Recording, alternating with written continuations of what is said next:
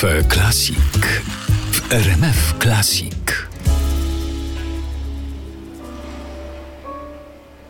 Jaki jest pierwszy element, o którym pani wiedziała, że musi znaleźć się na tej scenie? Pierwszy, który wiedziałam, to wiedziałam, że musi, musi być fotel, ponieważ nasz główny bohater przesiaduje w tym fotelu i to jest rodzaj takiego tronu. On tu jest królem w tej przestrzeni. Następny element to wiedziałam, że musi być pianino, czyli instrument muzyczny, ponieważ wariacje enigmatyczne to jest historia o muzyce również. No i później wszystkie inne elementy to są jakieś dodatkowe, które, które te dwa scalają. Jest i krzesło, jest i sprzęt grający, który naprawdę gra, nie jest atrapą i jest skóra na podłodze. To też jest znaczący element. No właśnie tak przyglądając się scenariuszowi wstępnie, pomyślałam, że to musi być scenografia mieszkania na końcu świata. Bardzo tak. przyjemnie wygląda mieszkanie na końcu świata. Tak, mieszkanie na końcu świata. Mieszkanie na północy, tam gdzie dzień trwa 6 miesięcy i noc trwa 6 miesięcy. Bardzo surowy klimat, i myślę, że ta surowość i pewne ograniczenie również są widoczne w tej scenografii. Nie ma tu półek, wszystkie książki są na ziemi. Myślę, że nie jeden literat, nie jeden artysta tak ma w domu. Że książki są dodatkowym meblem po prostu. Tak, książki są dodatkowym meblem, są półeczkami, takim elementem, który też e, jest e, powiedzmy mebelkiem, meblem można przysiąść, postawić sobie szklaneczkę jakiegoś trunku na tych nowych półeczkach. No tutaj mamy książki przypadkowe i nieprzypadkowe. O, o te nieprzypadkowe chciałam zapytać. tak. Otóż mamy tutaj mapę i terytorium Welbecka, a po drugiej stronie mamy Litela i może podejdźmy tam. Dobrze? I łaskawe, ponieważ twoi bohaterowie to są bohaterowie obdarzeni też talentem literackim i dlatego ja tak trochę przemyciłam jakby swoją również fascynację literaturą i Welbeck i Little, bo ja dbam o takie szczegóły. Nie wiem, może to też przywilej tego, że jestem związana ze sztukami wizualnymi, nie tylko ze scenografią, więc takie właśnie rebusy tworzę trochę ze scenografii to może złośliwe jest pytanie, ale strojone? Specjalnie nie.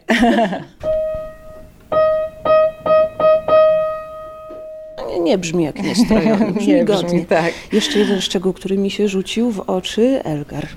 Tak, no od tego się zaczęło. Zaczęłam skupywać różne wydawnictwa. A, czyli to się jeszcze z archeologią targową wiązało. Tak, z archeologią targową. Przekopuję różne, różne archiwa przygotowuje się tak bardzo konkretnie do tekstu. No i tutaj znalazłam, jest jednocześnie kompozytorem i dyrygentem akurat jeśli chodzi o to wydawnictwo. To jest wydawnictwo dość stare i właściwie tylko ta obwoluta gra, ponieważ e, utwór jest specjalnie przygotowany.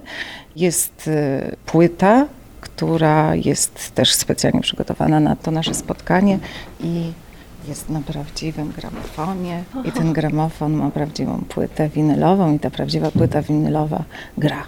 A kto wymienia igiełki? Mamy tutaj wspaniałych panów akustyków, którzy wymieniają igły. Jeszcze się nie zdarzyło, żeby nam igła pękła. Miejmy nadzieję, że się tak nie stanie na premierze. To będzie dodatkowy element. Oczywiście, no, nie tak. życzę. No i w trakcie naszej rozmowy Będziemy pojawiły życzyć się... sobie połamania igły zamiast nóg. Dokładnie, dokładnie tak pojawiły się wizualizacje. Tak, pojawiło się morze, morze północy. To jest e, taki nasz horyzont, który otwiera nam przestrzeń. Już nie jesteśmy tylko i wyłącznie w Saloniku, tylko już jesteśmy na wyspie i dlatego to morze się tutaj pojawia. Zresztą ono też buduje pewien nastrój, buduje też napięcie, buduje właśnie, czasem jest w kontrapunkcie, tak powiem, właśnie e, z tego słownika e, muzycznego. Jest również rodzajem legato, czy staccato, jeśli chodzi o tekst literacki. Myślę, że go po prostu dopełnia, mimo tego, że ono tylko szumi. Ma Pan jakiś pomysł na to, co mogło mnie przekonać do zaakceptowania wywiadu z Panem? To kilka hipotez. No, proszę. Jedną hipotezę. Czuję, że się dogadamy. No dobra, to zaczynajmy, proszę. Z wielką ciekawością za każdym razem oglądam ten spektakl, mimo że widziałam go już wielokrotnie. Zawsze coś się zmienia, jest jakaś inna relacja, lekkie przesunięcie. Zresztą to jest y, bardzo dobrze napisana też literatura i jednocześnie tak daje możliwość tego, żeby ją też odczytywać za każdym razem z lekkim przesunięciem akcentów. Trudne są próby, jeżeli się traktuje zawód swój e, jak poligon doświadczalny i jeżeli człowiek wychodzi z założenia, że nie istnieje coś takiego jak doświadczenie, a ja akurat taką rewolucyjną teorię wyznaję i nie mam nigdy ze sobą jakiejś takiej walizeczki podręcznych środków wyrazu i za każdym razem jestem trochę przerażony na początku, bo wydaje mi się, że wszystko muszę budować od zera, od podstaw. To wcale nie polecam, szczególnie lekarzom, na przykład takiej metody pracy, ale cały ten etap prób, który ja, ja uwielbiam i, i to jest dla mnie niezwykle ciekawe i może w głównej mierze dlatego w tym zawodzie też jestem, że te próby takie stolikowe, analityczne, kiedy człowiek się dogrzebuje do różnych sensów, ma jakieś tam intuicyjne wyobrażenie. Często jest tak, że ta pierwsza intuicja jest niezawodna, potem się wraca do pewnych pomysłów, nie wiem, po miesiącu, dwóch miesiącach prób. Okazuje się, że coś, co człowiekowi wpadło do głowy na początku, było tym kluczem. Zwłaszcza w takiej pracy, która jest związana tylko i wyłącznie z, że się tak wyraża, obróbką słów i myśli, gdzie jest się tylko i wyłącznie z drugim, w tym wypadku wspaniałym, cudownym Krzyśkiem Tyńcem na scenie, dwóch aktorów, tekst, całe tony myśli, ponieważ sztuka ta jest y, oprócz swojej takiej pierwszej, być może pozornie błahej y, warstwy dramaturgicznej. Jest w niej zawarta cała masa bardzo, bardzo głębokich, bardzo aktualnych historii, które ja akurat sobie w tej sztuce bardzo cenię, o czym ona jest tak naprawdę. Prześledzenie własnego bohatera pod kątem rozwoju tej postaci, z czym ten człowiek przychodzi i z czym wychodzi ze sceny, to są rzeczy fascynujące. I te próby były w związku z tym bardzo ciekawe. W momencie, kiedy mam okazję współpracować z takimi aktorami, no to to jest tylko rozkosz i tak naprawdę reżyser powinien ograniczyć się do tego, żeby nie przeszkadzać za bardzo. Co miał pan do zaznaczenia przede wszystkim w tym tekście? Bo jest pierwsza próba, prawda, czytana Tak. i wtedy trzeba powiedzieć, co pan jako reżyser Tak, chciałby tam usłyszeć. Tak, tak. Przede wszystkim to jest tekst o tym, że nic w naszym życiu nie jest jednoznaczne. To znaczy, że klasyfikacja życia na czarne i białe jest trochę błędna i tak naprawdę no, te nasze odczucia są ambiwalentne często i mylne. To też jest opowieść o tym y, dla mnie na przykład, bo to, ten tekst jest przedziwny, dla każdego jest o czymś innym, dla mnie o tym, jak daleko można pójść w sztuce, w zatraceniu się w sztuce i co jest ważniejsze, czy sztuka, czy życie. Każdy, kto uprawia sztukę, a główny bohater tego dramatu jest wybitnym pisarzem, musi sobie w pewnym momencie udzielić odpowiedzi na to pytanie. No, na przykład, czy zakładać rodzinę, czy mieć dzieci, czy jakby w ogóle tworzyć życie, które jest jakby alternatywne do życia w sztuce, prawda? No i to każdy sobie już sam na to odpowiada. No. Tu akurat w tym przypadku mamy dwie postawy. Postawę jednego, który wybiera życie i drugiego, który wybiera sztukę ponad wszystko. Nawet najbardziej krytyczni wobec Pana krytycy okazali się bardzo pochlebni. Po prostu istny koncert komplementów. Naprawdę? Nie czyta Pan gazet? Nie. Krzysztof Tyniec przyszedł do mnie z tym tekstem i dzięki niemu ten tekst poznałem, przeczytałem. No i uznałem, że świetnym partnerem dla Krzysztofa będzie Grzegorz Damiński. No i także to dla mnie było jasne. A gdybyśmy mogli początek zarysować, to mieszkanie na końcu świata, tak jak w rozmowie z panią Joanną Tak. już określiłeś. To jest e, główny bohater, czyli Ables Norkol, laureat no, Nagrody Nobla w dziedzinie literatury.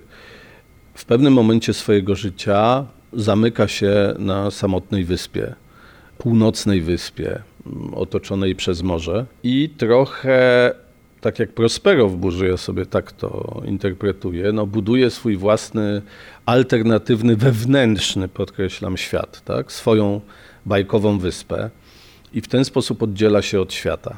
W pewnym momencie przyjeżdża do niego dziennikarz. Dziennikarz podrzędnej gazety, Możemy wnioskować, że nawet to jest gazeta typu tabloid. I po raz pierwszy od wielu lat nasz bohater, noblista, zgadza się udzielić wywiadu tabloidowi z małej mieściny. W tym już tkwi jakaś tajemnica, bo nie wiemy dlaczego tak się dzieje. No i to jest właśnie początek tej niesamowitej, enigmatycznej gry. No, tak jak to jest w tym przypadku tego tekstu i spektaklu bardzo ciężko jest mówić o fabule, ponieważ się zdradza od razu to, co, co widz ma na końcu dopiero zobaczyć. Więc zaczynamy od tego. I tyle nam wystarczy na razie. Tak, tak. I to jest, ja tu wielokrotnie na próbach mówiłem, ponieważ zdarzyło mi się w moim życiu co sobie bardzo cenię, że byłem asystentem Erwina Aksera i mogłem obserwować, jak Erwin Akser buduje na scenie coś, co w dzisiejszym teatrze jest już kompletnie niemodne i w wielu teatrach zarzucone, mianowicie dialog. I ten spektakl jest tak naprawdę apoteozą tego, co się nazywa dialogiem. Ponieważ pozornie, fabularnie nie dzieje się tu nic oprócz rozmowy dwóch panów. Oczywiście ta rozmowa dwóch panów jest prowadzona przez tak e, rewelacyjnych aktorów jak Krzysztof Tyniec i Grzegorz Damiński. To jest zasada podstawowa, że trzeba mieć kim ten dialog prowadzić.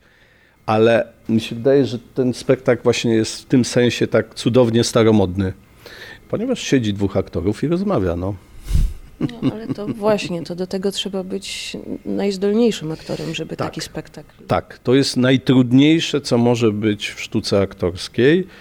No i to wymaga mistrzostwa, które akurat e, i Krzysztof Tyniec i Grzesiu e, reprezentują. No i bardzo mi się na to tak miło patrzy i jestem szczęśliwy, że są jeszcze e, tacy aktorzy i że ta sztuka dialogu dzięki nim przetrwa po prostu, bo oni mogą uczyć młodszych, jak to robić. Panie Znorko, ja jestem tym dziennikarzem z Nobrowsnik. Pan się zgodził na wywiad ze mną. To niemożliwe, proszę pana. Nie znoszę dziennikarzy, a rozmawiam tylko sam ze sobą. Ale pan, pan potwierdził nasze spotkanie pisemnie. A jest to tekst o potrzebie bycia z drugim człowiekiem, o potrzebie głośnego wyrażania emocji, o tym, że można szukać samego siebie na różnego rodzaju terapiach i dogrzebywać się do tego, co we własnym życiu człowiek powinien zmienić, ale podstawą jest uczucie, miłość, nazywanie uczuć, bo zawsze działamy w odniesieniu do innych ludzi. Jeżeli zaczynamy zajmować się tylko sobą, to powstaje pustka, straszliwa, potworna pustka.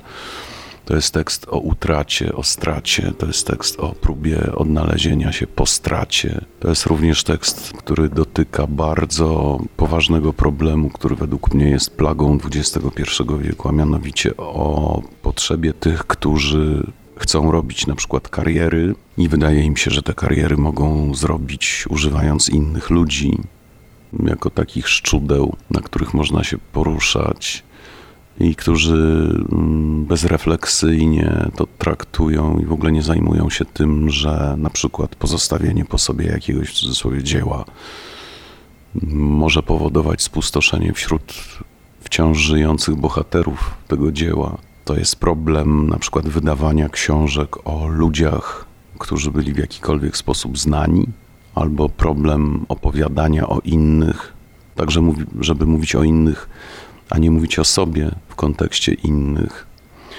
Są rzeczy, które potrzebują czasu, są rzeczy, nie chodzi mi tu o cenzurowanie świata, tylko o to, jakich dokonujemy wyborów, na przykład mówiąc głośno albo pisząc o kimś, co nasze pisanie lub mówienie może zrobić z czyimś życiem. To jest y, tekst o wierności, to jest tekst o przywiązaniu, to jest tekst o właśnie o opowiadaniu, o uczuciach, jak straszne spustoszenie powoduje nienazywanie własnych uczuć w momencie, w którym należałoby o tych uczuciach głośno powiedzieć. Świetnie jest to napisane. Takie teksty warto robić. To przywołuje pana Gustawa Cholubka, bo zawsze się na niego powołuje, że do pracy warto chodzić tylko wtedy, kiedy w tej pracy pada odpowiedź na sakramentalne pytanie po co. W tym wypadku to po co jest bardzo wyraźne. Wspominał Pan o tym i myślę, że to, o czym przed chwilą Pan opowiadał, to w dużej mierze jest odpowiedź na moje pytanie, ale chciałam jeszcze do tego wrócić, bo z czym wychodzi Pański bohater ze sceny, to przyjdziemy, sami No o tym tak, pomyślimy. A z czym wchodzi na scenę? To jest tak, e, jak w powiedzeniu chcesz rozśmieszyć Pana Boga, opowiedz mu o swoich planach. Czyli człowiek planuje jedno, nabiera powietrze, żeby, nie wiem, wygarnąć komuś coś, co sobie jakiś traktat, który sobie, nie wiem, całą noc albo kilka lat w głowie układał. Po czym nagle po wymianie dwóch pierwszych zdań okazuje się, że perspektywa drugiego człowieka i tych samych wydarzeń widzianych z punktu widzenia innego człowieka wygląda zupełnie inaczej, i nagle trzeba zdać sobie sprawę, że albo mogę uparcie trzymać się tego i tylko monologować, nie słuchając tego, co ma do powiedzenia ten drugi człowiek, albo zrekapitulować, zmienić zupełnie zasady tej rozmowy. Na tym polega też suspens, y, nie wiem, dobrego kryminału, ale też dobrej psychologicznej wymiany zdań, scenicznej, że po prostu mój bohater wchodzi z bardzo dynamicznym pomysłem na to, jak rozwiązać pewną sytuację, która od bardzo długiego czasu nie daje mu spokoju. I nagle się okazuje, że człowiek, o którym myślał to, co myśli, jest zupełnie kimś innym bo my wszyscy mm, mamy co najmniej dwa oblicza. Jedno to jest to oblicze, które mamy sami dla siebie i ten świat myśli, w którym pozostajemy, kiedy jesteśmy sami ze sobą, a drudzy my to jesteśmy my e, wobec innych, wobec świata. I to nie jest o obłudzie naszej czy o kłamliwości, tylko po prostu o tym, że jesteśmy zupełnie inaczej widziani przez innych, zupełnie inaczej postrzegamy pewne rzeczy, kiedy się nad nimi sami zastanawiamy.